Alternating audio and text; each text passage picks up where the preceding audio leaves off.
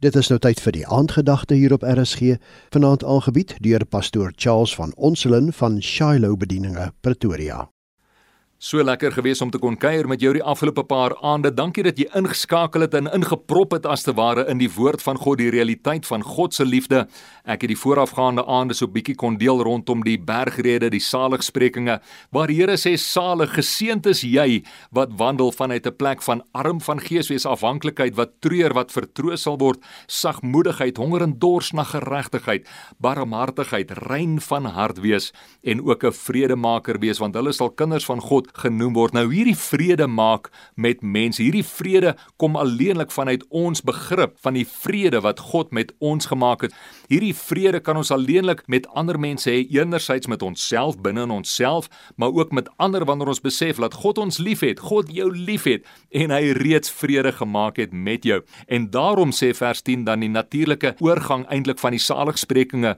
Vers 10 wat sê salig is die wat vervolg word ter wille van die geregtigheid, want aan hulle behoort die koninkryk van die hemele. Nou wat het dit te doen met vredemaking? Ek's bly jy vra die vraag want jy gaan kry in jou lewe mense met wie in vrede wil leef, mense met wie in geregtigheid wil leef, mense met wie volgens die woord wil leef, maar nog steeds bly vervolg, nog steeds dinge bly sê, nog steeds dinge bly doen teenoor jou, maar die Here sê en dit is die wonderlike belofte dat salig is jy as jy vervolg word ter wille van daardie geregtigheid of daardie vrede, die koninkryk van God, want aan jou behoort die koninkryk van die hemele.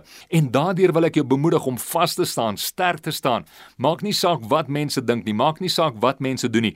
Weet dat daar's een vir wie jy jou lewe leef, een wat na jou kyk en wat met sy blik van waardering en liefde en goedgunstigheid en seën oor jou die stempel van goedkeuring druk vers 11 wat dieselfde eintlik ook sê salig is julle wanneer die mense julle beledig en vervolg en valslik allerhande kwaad teen julle spreek. Om my ontwil ja die lewe van 'n gelowige weet ons sal baie keer vyandigheid ontsluit van mense af. Net dit sal baie keer 'n vyandige gesindheid meebring.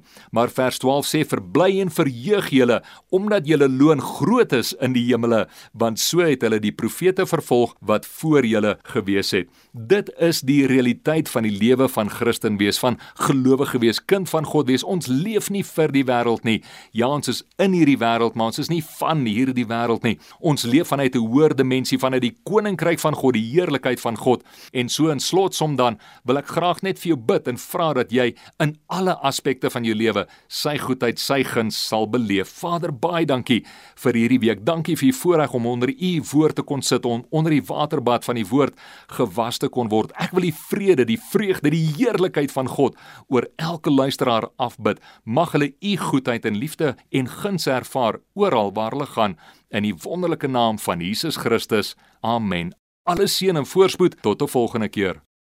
Die aandgedagte hier op RSG is aangebied deur pastoor Charles van Onselen van Shiloh Bedieninge, Pretoria.